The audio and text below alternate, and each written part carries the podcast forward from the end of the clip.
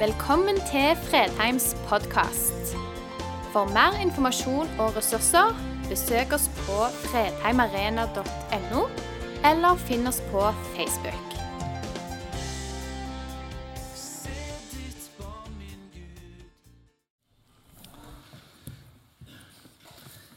I teksten i dag skal vi møte Han som har dette navnet over alle navn. Og Nå skal vi lese fra Matteus kapittel 8, fra vers 5 til 13 i Jesu navn. Da Jesus gikk inn i Kapernaum, kom en offiser til ham og ba om hjelp. Herre, sa han, tjenestegutten min ligger lam hjemme og har store smerter. Jesus sa, 'Jeg skal komme og helbrede ham'. Offiseren svarte, 'Herre, jeg er ikke verdig til at du kommer inn under mitt tak.'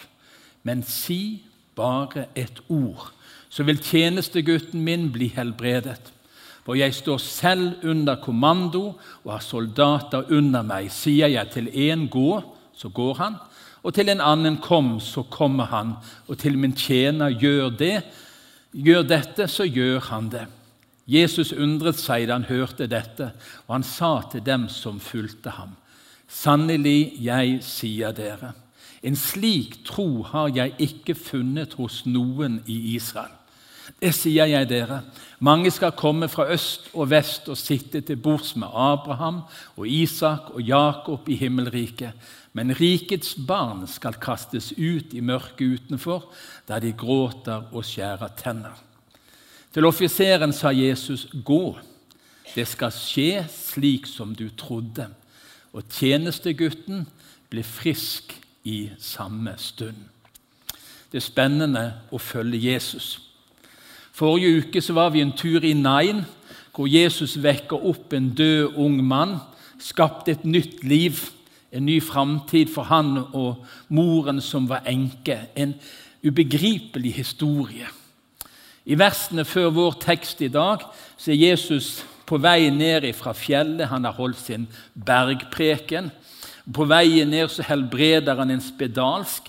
Det å følge Jesus i møte med mennesker i disse tekstene er virkelig spennende og utfordrende. For der Jesus stiller opp, så skjer der uventede hendelser. Det er uventa møter med ulike mennesker. Her en offiser fra okkupasjonsmakten. En offiser som har 100 soldater under seg, som har den romerske si, tjenestelinjen over seg, som har en utrolig makt tilgjengelig, men som i møte med en situasjon blir så liten og hjelpeløs. I parallellteksten til denne dagens tekst, i Lukas kapittel 7, så får vi et mer utfyllende bilde av denne mannen, denne offiseren. Eh, jødene talte vel om han. Han hadde bidratt til å, å, å bygge synagogen. Han var en mann som hadde omsorg. motsetning til alle de andre offiserer som de møtte og forventa, så hadde han en egen omsorg for folk og hadde et godt ord blant jødene. Og så skjer underet. Et fjernunder. Offiseren sier 'jeg er ikke verdig til at du kommer inn i mitt hus'. og Da må vi forstå de jødiske renhetsforskriftene.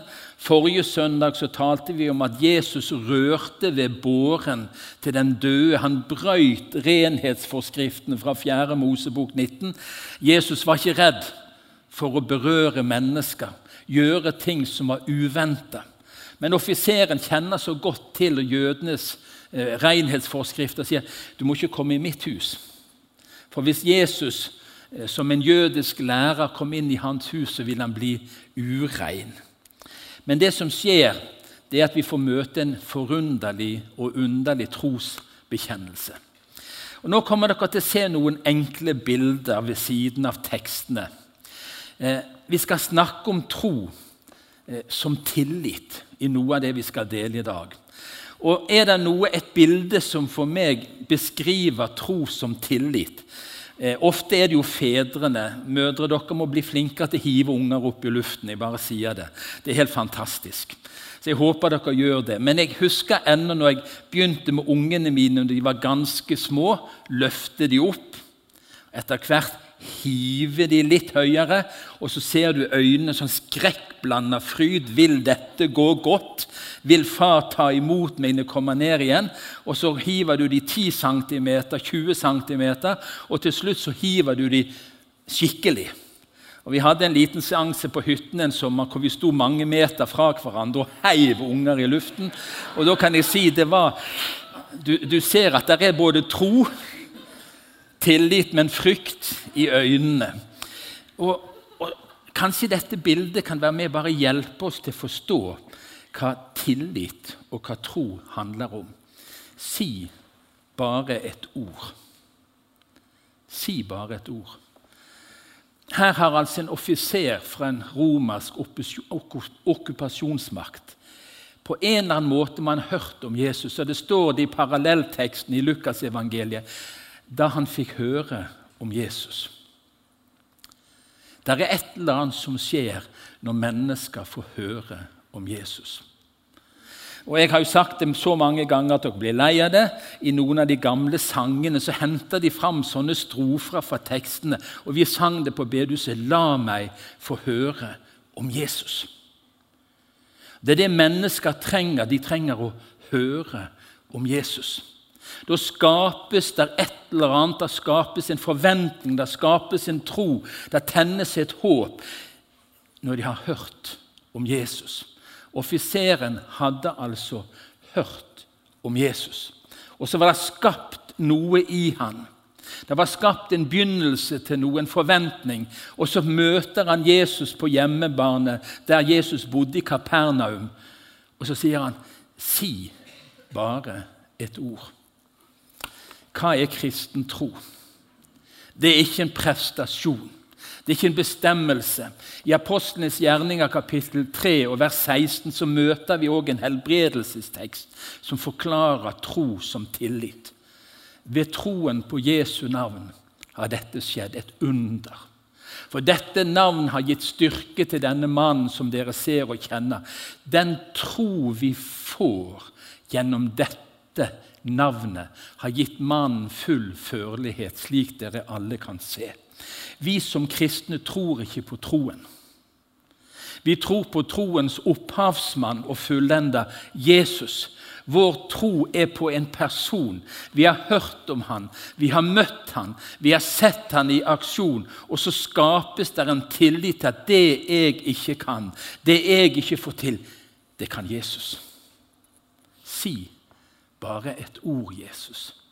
For du har en makt og en myndighet som vi ikke har. Tro er tillit, og det er tillit til Jesus. Og Så kommer det en sånn forunderlig setning fra denne offiseren, for jeg står selv under kommando.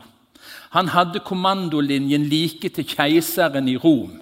Og her, i denne byen i Kapernaum, så hadde han kommandolinjen under seg med 100 soldater. Og så kan han noe om regler og lover og system i denne delen eh, av verden. Han sier, 'Jeg kan si gå, så går de.' 'Jeg kan si gjør, så gjør de.' Men her er den romerske makten helt hjelpeløs i å hjelpe en ung tjenestegutt. Med all sin makt, med alt sitt herredømme med alt det de har lagt under seg, så kan de altså ikke hjelpe en tjenestegutt som var kjær for denne offiseren, å bli frisk. Og Her møter vi to forskjellige maktpyramider, om vi skal bruke det. Den enorme makten som lå i Romerriket. Jeg står sjøl under kommando, og jeg har kommando, sier han. Men jeg kan ikke be han reise seg opp igjen. Jeg kan ikke helbrede han. Jesus representerer en helt annen maktstruktur. Han er Guds ånd med ubegrensa muligheter i møte med synd, sykdom, død og natur. Jesu ord kan skape ut av ingenting. Si bare et ord. Kristen tro, jeg sier det igjen, ikke tro på troen, men det er tro på Jesus. Det er tro på en maktstruktur som er helt annerledes, som overgår all jordisk makt. Som overgikk Romerrikets enorme makt. Og dette visste offiseren. Han hadde hørt om Jesus, og det var skapt tro i han. Hvis dere ser forskjellen på bildet, så er gutten her lenger oppe i luften. Troen har økt. Tilliten i alle fall sånn tilsynelatende blitt større. Og denne teksten taler om en stor tro som innebærer en enda større tillit. Sannelig, jeg sier dere, sa Jesus, altså, en slik tro har jeg ikke funnet hos noen i Israel. Andre Tessalonika-brev der er skrevet ett brev først til menigheten i Tessaloniki. Så skriver Paulus et nytt brev, og i kapittel 1 så sier han det på denne måten.: Vi må tak alltid takke Gud for dere søsken, som rett og riktig er. For troen deres vokser seg stadig rikere, og kjærligheten dere har til hverandre, blir større hos hver og en av dere. Den kristne troen når vi skal snakke om den, så må vi minst ha to tanker i hodet samtidig. Kristen tro er en gave. Og Den frelsende troen handler ikke om hvor stor troen er, men om Han vi tror på. Og Det er så ubeskrivelig godt å kunne si det er du som kjemper med om du tror nok eller ikke får til det å tro. Det er ikke ditt problem. Spørsmålet er tror du på Jesus. Har du fått tillit til Jesus? Har du hørt noe om han som gjør at 'Jeg får ikke dette til', men Jesus fikk det til. Det er mer enn nok å tro på Han. Om det er en liten eller stor tro, betyr i denne sammenhengen ingenting. Men i relasjonen med Jesus så er det naturlig at tro og tillit vokser sånn at det får konsekvenser for hvordan vi lever våre liv. Og Da skal dere få bli med meg en liten tur til Klepp. Jeg fikk lov å være pastor i Klepp frikirke i elleve år, og det var en spennende reise. Vi hadde et årsmøte helt i starten av menigheten sitt liv. Det var 25 voksne medlemmer i menigheten. Og vi hadde fått si, hånd i en eiendom til mange millioner. Eh, og vi lurte på har vi tro til å kjøpe den bygningen der. Det var langt over vårt økonomiske nivå rent sånn menneskelig talt. Men så hadde vi da avstemning på årsmøtet, og det ble flertall for å kjøpe den eiendommen. Det var bare det at etter at det var vedtatt, så var det en som reiste seg og sa det. Ja, det er greit nok at vi skal kjøpe den Dette er litt sånn fritt gjenfortalt, selvsagt at vi skal kjøpe den eiendommen. Men vi må huske på hva vi har bestemt. At vi alltid skal gi 10% av det vi har, til andre først. Eh, og Det var ikke så mye vi hadde samla inn på konto, men det var noen tusener der. Men så sa han det. Husk, vi må først gi vekk. Da ble det bitte litt uro i salen. For vi hadde egentlig gått ut over vår tro på en måte med å si vi skal kjøpe. Og så utfordres vi til å gi vekk av det lille vi har. 10% først. Og så ble det vedtatt. Det er et uttrykk for tro. Det er et uttrykk for tillit. Og jeg har lyst til å utfordre deg til å spørre hvordan i ditt kristne liv viser det seg at troen har vokst? Hvordan, i hvilke situasjoner skjer det vitnesbyrd i ditt liv? På at troen på Jesus har vokst. At det er noe som angår flere sider av livet. Og dette er ikke en kollekttale, bare så dere er klar over det. Sånn det kunne det gjerne ha vært. Men det er et spørsmål jeg tror vi alle skal speile oss i. Jesus møtte en som hadde hørt om han. Hadde hørt rykte om han. Og så kommer han fram til Jesus. Si bare et ord. Og så forteller han om den myndighetsstrukturen. Og så sier Jesus en sånn tro har jeg ikke møtt i Israel. En sånn tillit til meg, en sånn tillit til mitt ord, til Guds ord. Og Jeg tror noen av dere kunne vitne om det. Ganger hvor du sto i valgøyeblikk, og rent menneskelig så var det som var foran deg, umulig. Men det var en erfaring i møte med Jesus som du tok med deg inn i regnestykket. Og så sa du vi, vi, La det stå til. La det stå til. Vi gir, vi gjør, jeg sier, jeg våger. Jeg går ut forbi båten, jeg trør ut på vannet. Jeg går ut av komfortsonen. Når var du sist ut forbi komfortsonen din? Og viste i praksis at din tro på Jesus har vokst. At du har større tillit. Jeg husker en der jeg vokste opp i menigheten i Betlehem i Bergen. som Av og til når han vitna, så sa han vi har det altfor godt. sa han. Vi har det alt for godt. Når vi vokste opp, så fortalte han jo en historie om hvor trangt det var, og hvor vanskelig det var. Og Vi som var unge da, syntes kanskje det var litt overdrevet, men så fortalte han vi trengte Gud. Og vi måtte tro på Han helt ned i det praktiske i våre liv. Så han, Og så savner jeg det nå. For nå har vi alt vi trenger, uten å blande Gud inn i regnskapet. Vi kan bli på en måte skjerma fra, frarøva muligheten til å vokse i tro. Troen vokser hos dere, skrev Paulus. Kjærligheten vokste. Det skjedde noe i menigheten i Tessaloniki og troen vokste. Og så skjer det noe forunderlig. Her kommer misjonstanken inn i denne teksten. De kommer fra øst og vest. Og igjen så har vi en bedehussang. Er det noen av dere som tenker på en sang med en gang? De kommer fra øst og vest, de kommer fra nord og sør altså, jeg, ja, jeg tror jeg må lære litt flere nye sanger. Men, men det er et eller annet som sprenger på her. Og gjennom et sånt møte der i Kapernaum, og så plutselig så skjer det en utvidelse. Det skjer et under, men det skjer et møte med en offiser. Mange skal komme fra øst og vest og sitte til bords med Abraham og Isak og Jakob i himmelriket. Du skjønner, evangeliet, det er for alle. Det er ikke for en begrensa liten folkegruppe. Det er for alle mennesker.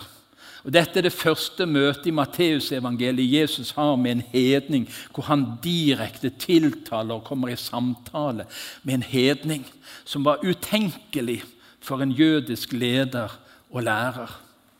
Men det skal skje noe, sier han. Og Da får vi hjelp til to misforståelser som denne teksten belyser.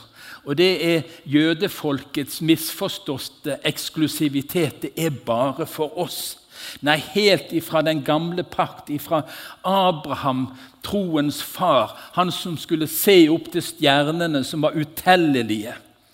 Guds rike, Guds folk, skulle ikke kunne telles. Det skulle være som sanden på havets bunn, utellelig. Og Nå står Jesus her med en romersk offiser og så forteller han folket som følger han, som står rundt han der i Kapernaum. En gang, skjønner du, så skal dette evangelium rike. Så skal ord om Jesus spres for alle folkeslag, for det er for alle. Og så er det en annen misforståelse som Kirken dessverre har stått i i forbindelse med denne teksten, når Jesus sier men rikets barn skal kastes ut i mørket der de gråter og skjærer tenner. Og så er det blitt en misforstått antisemittisk holdning at Jesus her på denne måten kutter ut israelsfolket. Men det er ikke det han gjør i det hele tatt. Det handler ikke om etnisk jødedom, men det han adresserer i disse ordene, det er at og blant det folk er det noen som ikke tror. Og blant det folk er det noen som ikke bærer Abrahams tro. Og det er de denne dommen gjelder, for Gud har en plan med Israel.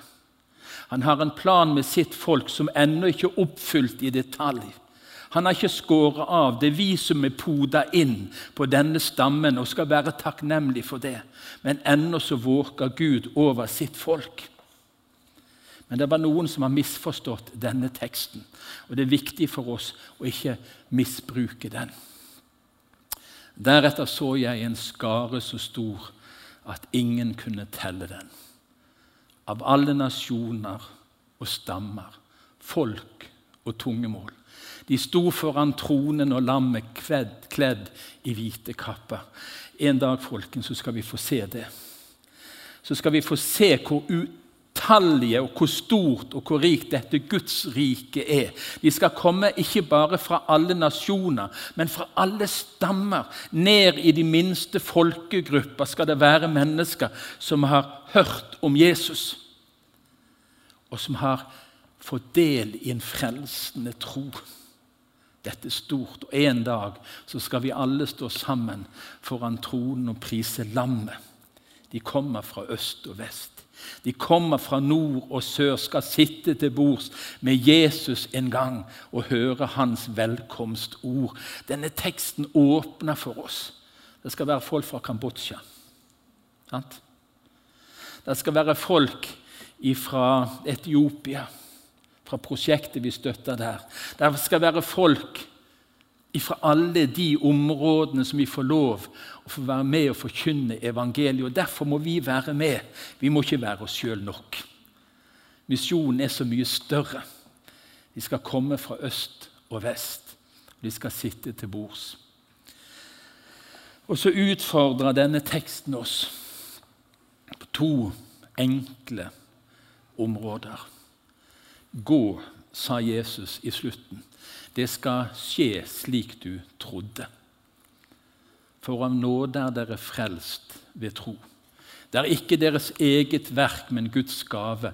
Og Vi prøver å si det så ofte vi kan om søndagene. Hvis du har forvilla deg inn på Fredheim en søndag uten denne troen, så kan du gå ut med denne troen i ditt hjerte, i ditt liv.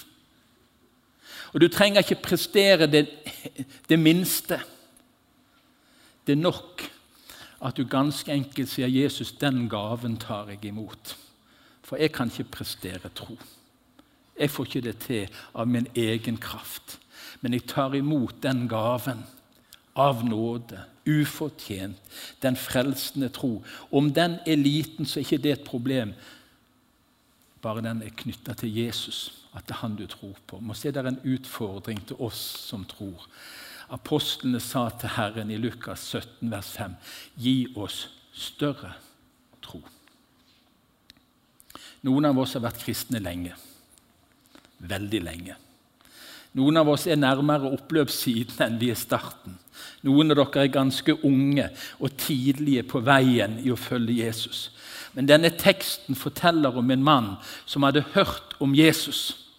Og så fått en tillit som gjorde at han vågte seg ut på dypt vann i møte med Jesus. Og Spørsmålet mitt til deg, eller spørsmålet bibelordet denne dagen taler til deg, har troen din vokst?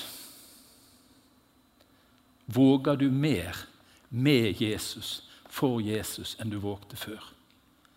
Tør du å gå ut av båtripen selv om bølgene ser heftige ut? Og tenker så lenge bare har blikket på Jesus og bærer vannet. Er det lenge siden du har vært ut forbi komfortsonen din i etterfølgelsen av Jesus? Hør hvor det stormer der ute. Her er det fredfullt og tyst. Det er ikke så vanskelig å være troende på Fredheim. Det er ikke så vanskelig å være troende i den kristne forsamling. Men der ute, der det er mennesker av alle nasjoner, tunge mål, alle stammer. Der ute kan det være krevende, men der står vår tro ofte sin prøve. Har troen din vokst? Eller vil du i alle fall denne søndagen si sammen med apostlene, de som hadde vandra sammen med Jesus og sett han i funksjon i, i flere år Gi oss større og jeg tror vi lever i en tid hvor vår tro vil bli prøvet mer enn før i vårt land. Jeg tror vi kommer til å utfordres fra talerstolen med vår forkynnelse, i vår etterfølgelse i praksis, hvor det vil kreve en større tro på Jesus. Der har våre forfulgte venner i årtier, i århundrer, fått merke det på kroppen. Og Når vi samler inn til åpne dører som et av våre misjonsprosjekt, så er det for å hjelpe de som daglig, stadig betaler en pris for sin tro. Og mange av de har større tro.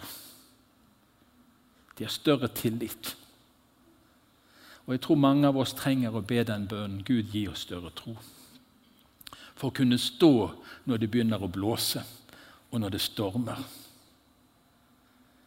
Si bare et ord, Jesus. Det er en maktpyramide, det er en maktstruktur som er helt annerledes enn alt annet i denne jorden, på denne jorden. Og det er Han som fremdeles har all makt i himmel og på jord. Jesus, si et ord. Jesus, vis meg. Jesus, bruk meg. La den troen og tilliten som jeg har til deg, få bein å gå på.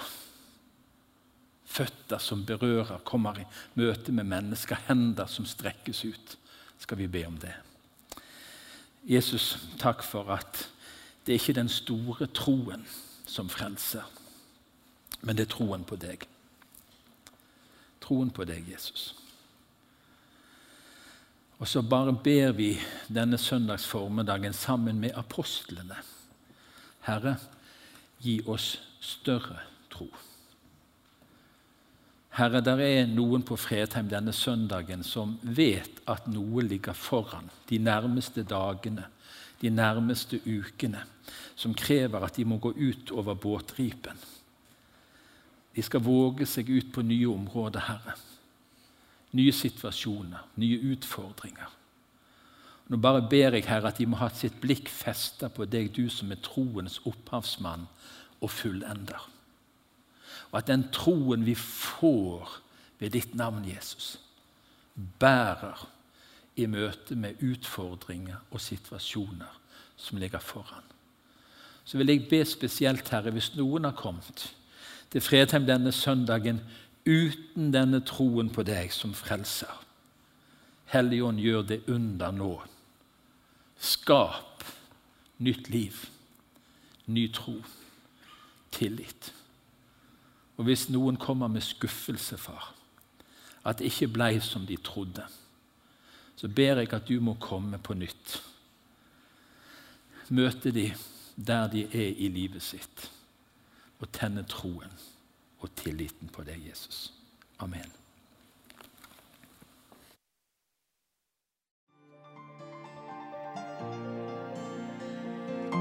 Takk for at du valgte å høre på. Nye opptak legges ut hver uke. Vi har gudstjenester hver helg, og du er hjertelig velkommen.